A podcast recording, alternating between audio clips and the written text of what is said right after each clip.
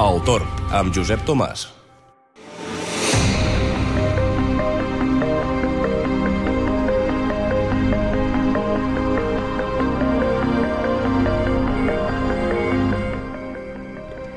Aquesta música el que, el que ens marca és que comencem l'entrevista, l'entrevista del programa Torp, i avui tenim el nostre company amic, en Pere Moliner, que ens parlarà des d'un punt de vista diferent de l'univers. Fins ara hem parlat doncs, de l'univers des del punt de vista doncs, astronòmic, eh, des del punt de vista físic, doncs, de la, tota la seva matèria, d'aquesta matèria negra, aquesta matèria doncs, que fosca, que no, que no es coneix, que és pràcticament el 70%, però també hi ha un moment en què, per exemple, l'univers doncs, té un límit eh, poc definit, ningú s'ha pogut definir doncs, amb certesa, i també ho volem abordar des d'aquest punt de vista doncs, una mica més filosòfic, que crec que també pot agradar als nostres oients. Pere Moliner, bona tarda. Bona tarda. Doncs eh, en realitat eh, crec que tot, té, tot té un, un continuum. Eh, nosaltres en el teu programa parlem sobretot de quin és el clima de la Terra, unes vegades amb mi vam especular sobre com podria ser altres planetes. Uh -huh. eh, ara el que tu m'estàs proposant és especular com seria el clima, com seria com és l'univers. Eh, I llavors, eh, realment, Uh, si sents les últimes especulacions, les últimes teories de científics de gran nivell i dalt, realment uh, és que ens perdem. És allò, aquella broma que deia un, un físic quàntic que deia de que si et penses que entens física quàntica és que no l'has entesa. Eh, nosaltres podem arribar a imaginar-nos com és el, el temps al planeta Terra, com podrien ser les rotacions a la galàxia, però realment mm, sabem el que és l'univers? Uh, tu mateix ho deies, deies, un 70% és energia fosca. És a dir, què vol dir això? Vol dir, mm, bueno, el 70% de l'energia que hi ha a l'univers no tenim ni idea què és.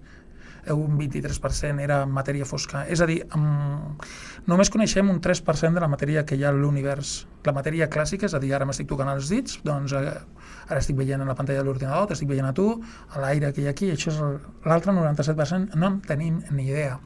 Uh, i a partir d'aquí és quan hi ha les especulacions ja dels, dels científics més agosarades, mm, fins i tot deixen en ridícul els eh, més delirants escriptors de ciència-ficció uh -huh. i totes elles tenen una base.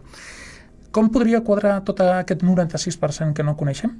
Doncs eh, podria quadrar si, per exemple, en lloc de les tres dimensions que tenim, bueno, les quatre, és a dir, alt, baix, ample, el temps, uh -huh. fossin 11 totes...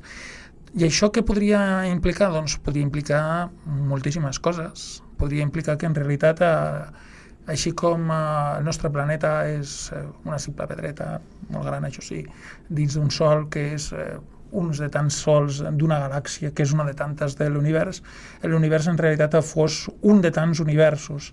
Eh, I llavors és quan parlaríem de que en realitat l'univers no és més que podríem això, especular de que cada vegada que nosaltres prenem una decisió es crea un univers diferent. Per què? Pues perquè és, fa una ruptura d'universos, llavors totes les possibilitats existirien, llavors hi haurien un, universos paral·lels en què eh, no hem pogut entrar a fer aquesta entrevista perquè eh, les màquines estaven espaiades o perquè ha sortit una emergència i diguem que eh, en aquest temps que jo porto parlant potser s'han creat 2.000 universos diferents només en el, uh, t'estàs marejant, no? Doncs és normal, és normal. Fins i, tot, fins i tot la majoria dels científics, però tot això té una lògica, és que si, poden haver-hi altres explicacions, és molt evident, però quines altres... Um, o hi havia una...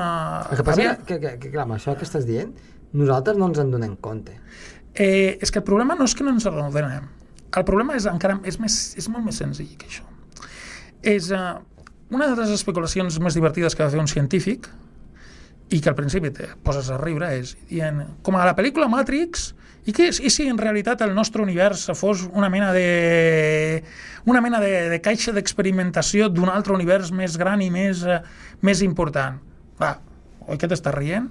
però, tu dius Uh, clar, jo estava pensant això i abans havia vist un vídeo en què eh, veiem uns, uns animals del zoo fent tonteries i tu deies, doncs pues ells també potser s'ho creuen. Per què? Pues perquè la capacitat a nosaltres que ens pot diferenciar d'uns simis, per exemple, els simis que estan al zoo i que nosaltres els anem a veure. Doncs, eh, doncs molt fàcil. Eh, som una mica més complexos, però la capacitat tècnica que tenim, per exemple, amb aquests ordinadors ara mateix que estem aquí davant nostra, és una capacitat 1.000, 10.000, 100.000 vegades de computació més gran de la que pot tenir la, milions de vegades més gran de la que pot tenir una ment simiesca. Doncs imaginem-nos que la capacitat de computació que tenim, que s'aconsegueix una tecnologia 300, 400, 500 anys més avançada que la nostra, sigui doncs igual que la diferència que tenim nosaltres amb aquells 8.000 habitants eh, del Perú que es veu que estan en tribus eh, allà no contactades o no gaire contactades i que tard o d'hora acabaran amb un genocidi cultural i esperem que no físic. És a dir, per la resta de la civilització, dic Perú, però Brasil. És a dir, quina diferència pot haver entre aquells indis amb llances i selves i entre els pobles del Perú que estan a 50 o 100 quilòmetres amb ordinadors, mòbils, metralletes, mm -hmm. cocaïna, eh, helicòpters, llances, llanxes a motor, doncs eh, per què no nosaltres no podríem, podríem ser-ho? Uh, jo aquesta especulació l'havia sentida i me feia molta gràcia, però vaig sentir fa poc un projecte europeu que volia reproduir el cervell humà, els 100.000 milions de neurones. Bé, no, no, va haver, no va haver gaire sortida, però és allò de que D'acord, aquest projecte va començar el 2013, però i si el 2113, per exemple, s'ha aconseguit reproduir un cervell humà? I si el 2213 no només ha reproduït el cervell humà, sinó que ha reproduït tot el planeta Terra? Quina diferència hi hauria? Eh, llavors, hi hauria una diferència molt més filosòfica. Nosaltres, ara mateix, jo em penso que estic eh, fent aquesta entrevista per, per dos motius. Perquè és la meva feina i perquè m'ho has demanat tu, però i si realment hi ha uns, uns ressorts en el nostre interior que fa que estiguem programats per fer-ho i que en realitat estem difonent un missatge. Que sembla una paranoia. Sí, mm -hmm. podria ser-ho, és cert. Però si parem a pensar una cosa que no sabem gaire les persones, però que és evident, i és que la major part de les nostres decisions acostumen, abans de que les pensem racionalment, acostumen a, a ja estar decidides mentalment. Per què no, llavors? Podríem ser nosaltres. Nosaltres que veiem, i evidentment tu i jo, aquests micros que estem parlant, aquest computador que estem utilitzant per pujar el so i per baixar el so, el mirem amb menys preu, perquè nosaltres som una... Per què no podem ser nosaltres una màquina o un joguet d'una entitat eh, molt més complexa que nosaltres? No, Déu. No, no, no estic parlant de déus. La qüestió aquí no és si això és factible o no és factible. La qüestió és que si li poguessis preguntar al simi aquest que nosaltres mirem a, eh, al zoo, si pogués entendre, es riuria i diria, vaya tonteria. Els humans fan coses molt rares, però no es pensaria que la nostra, no entendria la nostra complexitat.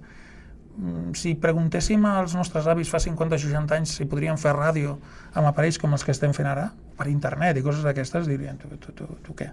Ni la majoria de les coses a, a les que ens agrada la ciència-ficció ni sense, ni sen... la ciència-ficció, per exemple, internet, eh, els mòbils encara, però internet i coses com aquestes ni les va, ni, ni les va imaginar. Fins i tot, hi ha un moviment que es diu transhumanista que fa una... va encara molt més enllà. Diu que podríem podríem, podríem superar la mort. Com? Doncs és molt fàcil.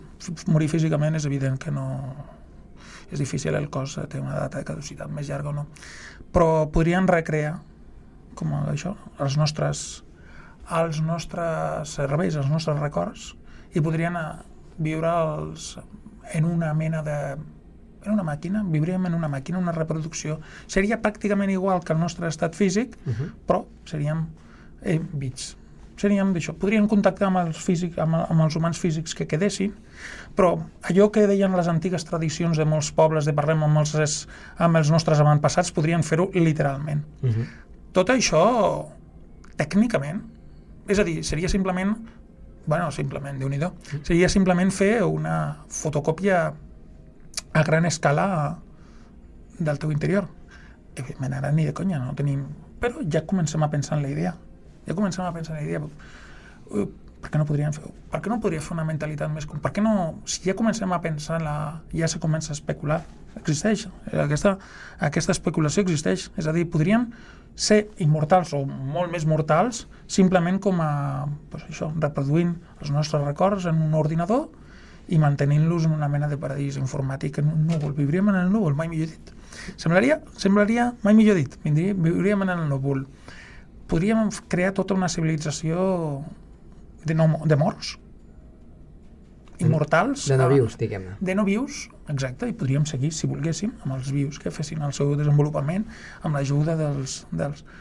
I anant encara més enllà per què no podríem eh, per què no podríem per què no podríem eh, ja simular no només simular eh, això, sinó fins i tot simular un món. Clar, a mi com a mort viure mm, ja em voldria viure en un entorn bastant similar. És a dir, en un cas més jove que l'actual i total, com no em moriria podria fer, com no em moriria físicament, uh -huh. no tindria perill podria virtualment fer escalada mm, fer anar, anar amb taurons virtuals. Totes aquestes especulacions ja estan. Per què no podríem copiar mons i fer experiments experiments, és a dir, copiar mons i dir, dient, va, recreem una petita mm, terra, però aquesta vegada en lloc d'humans, què hauria passat si fossin els neandertals i els recrearíem cibernèticament? O per què no? Més, uh, més enllà. Tot un univers. Però fem un, tot un Matrix. Un Matrix. I de tant en tant introduiríem alguns aspectes per, per diversió de control o haurien errors, déjà vus, uh, uh, missatges divins... Vale, tot, tot això pot semblar una especulació esbojarrada, però el fet que ja l'estiguem començant a pensar vol dir que ja pot, abans aquestes idees ni es passaven pel cap. Eh, però encara vaig molt més enllà. Totes aquestes uh, totes aquestes coses que estic dient, que evidentment sospito que si algun dia dins de 30, no, 60, 80, 90 anys recuperés aquesta conversa eh, no hi hauria terme mig. bueno, a banda de les barbaritats que hauria dit, eh, potser dirien oh, i això es pensaven que eren tan avançats? És com si ara sentíssim una conversa de, del 1915 de quin serien el, com seria el, 2000, el 2015. I llavors dirien, dient, i pensava que passaria? En algunes coses, això dic, que primitius. Doncs igual. Tot això, quines utilitats té? Doncs uh, hi, ha una, hi ha una escala inventada per, el, per un físic de l'antiga Unió Soviètica que es deia Kardashev i pel Carl Sagan, un nord-americà mort, el del Cosmos, el de la sèrie divulgativa Cosmos, que parlava de les escales de civilitzacions. I deia, bàsicament deia, una civilització segons la utilització de l'energia. Bàsicament, uh, la història de la raça humana es pot entendre per quanta energia podem... És a dir, quan l'home va conquerir el foc, doncs es va separar bastant més de, dels animals a nivell tecnològic. I, quan es va inventar l'agricultura va haver molta més energia. Quan es va la civilització industrial, ara que tenim l'electricitat, llavors, segons Kardashev, una civilització, i li deia U, seria la que pogués uh, utilitzar de forma eficient l'energia de tot el planeta Terra segons uh, això, recordem, això potser ens faltarien 200, 200, 300 anys per aconseguir-ho. És a dir, estem molt avançats, però encara, vull dir, seria utilitzar l'energia solar, l'energia l'energia eòlica... Una civilització 2 seria la que pogués utilitzar tota l'energia del sistema solar. Una civilització 3 seria la que podria, i aquí és quan ja comencem a desbarrar, de tota la Via Làctea. Una civilització 4 seria la de que podria de tot l'univers. I a partir d'aquí ja em nego a seguir perquè ja, fins i tot jo, que estic especulant i embogint, em nego. I, però clar, l'univers té, té un final físic. I aquesta gent suposo que, com tots, estic especulant, però el més probable és que volguessin sobreviure. Mm. Què podries fer? Doncs crear nous universos, i aquests nous universos fer còpies teves. Evidentment això ara és absolutament inimaginable per mm. nosaltres. bueno, és imaginable, però evidentment no tenim ni idea de quina tecnologia. Però, això dins, dins, dins del que és un, un ordinador o ja físicament? Físicament estàs parlant? Estic parlant de les dues coses. Estic parlant de les dues coses, perquè hi ha una cosa que es sap molt poc. És a dir, estic parlant tant d'una expansió exterior, com també, per exemple, dins d'un ordinador. Podríem fer les dues coses. Uh -huh. Perquè és sabut, eh, és sabut eh, que les intel·ligències de les... les eh, la, hi ha una cosa que es diu la llei de Moore, de que cada 18 mesos va augmentant la capacitat de computació de les màquines. Uh -huh. Sembla, per simplificar-ho, no avorrir-nos massa, en 3, 4, 5, 6 anys s'acabarà. Però llavors eh, hi ha una altra possibilitat aquesta, és a dir, hi haurà un límit, tal com es fa ara amb el silici. Però es poden fer ordinadors quàntics. S'està especulant, és a dir, no estic dient eh, cap barbaritat, és a dir. Llavors, a partir d'aquí l'escala de capacitat seria impensable. Uh, ara mateix uh, hi ha uh, jocs uh, hi, ha joc, hi ha un joc, un científic va inventar un joc anomenat Evolució. Creava unes petites uh, en un ordinador, eh, ficava unes menes de... Era com un Lego, era com un Lego primitiu, però què passaria si bueno, una, unes espècies evolucionant, ficant-les un sistema, un altre, és a dir, va crear una mena de microcosmos. Sorpresa. Sorpresa, guanyaven uns més, uns menys, demostrava de que les espècies massa depredadores eren dolentes, tal. Doncs, eh, i si multipliquéssim aquesta capacitat per mil? I que si multipliquéssim aquesta capacitat per 10.000? I si multipliquéssim aquesta capacitat per 100.000? De fet, eh, aquest joc que, que estic explicant jo és dels anys 90. Ara, no s'ha fet? Es podria fer, sí. Vull dir... Hi ha teòrics que diuen que actualment la intel·ligència artificial, eh, el nivell d'intel·ligència artificial més complex és similar al d'un mosquit. I dius, sí, ara, però i si quan tinguem més capacitat, dins 50, 60, 100, 200 anys? En definitiva, amb aquestes especulacions que estic fent jo ara, que totes aquestes especulacions que estic dient jo ara no són meves, són especulacions, és un recull d'especulacions fetes per físics teòrics, per físics quàntics, eh, que bona part poden haver embogit. Sí, sí. Però tenen una base molt profunda.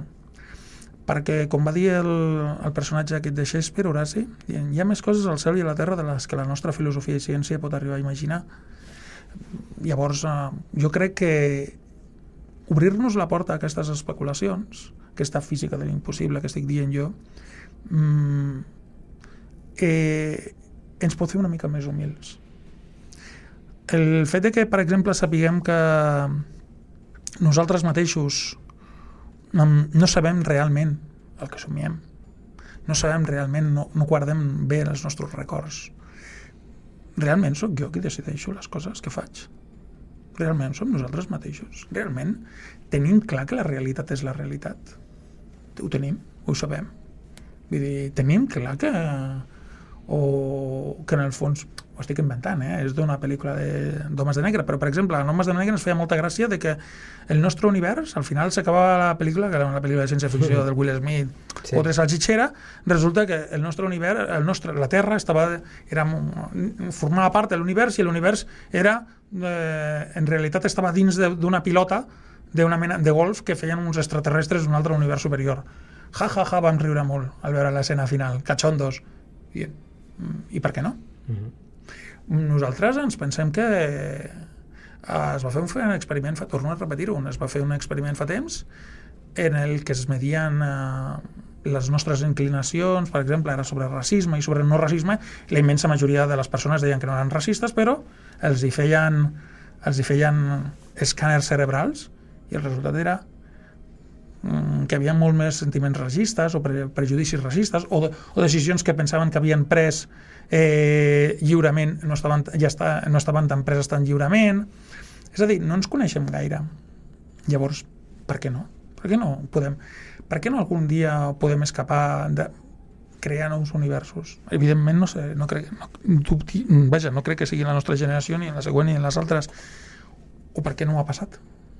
perquè quan... Eh, perquè no nosaltres eh, en realitat potser no som més que uns jocs d'ordinador potser de, i, en, i ara mateix hi han dos éssers inform, molt més complexes que nosaltres que estan jugant amb les seves mm, creacions informàtiques anomenades Pere Moliner o el Josep, d'això, per què no? Per què no? No ho sabem. Clar, clar. És el tema de, del destí, si estem predestinats o no, no? Bueno, és el tema de que no coneixem, en el fons no coneixem pràcticament quasi res i que hem de ser molt més conscients de que hi ha un vast oceà d'ignorància i el que sabem són petites engrunes de saviesa. Pere, com sempre, molt interessant el que ens has explicat i t'augurem en una propera eh, un proper programa perquè doncs, eh, ens mostris una mica la teva saviesa. Pere, gràcies i fins la propera. Fins la propera.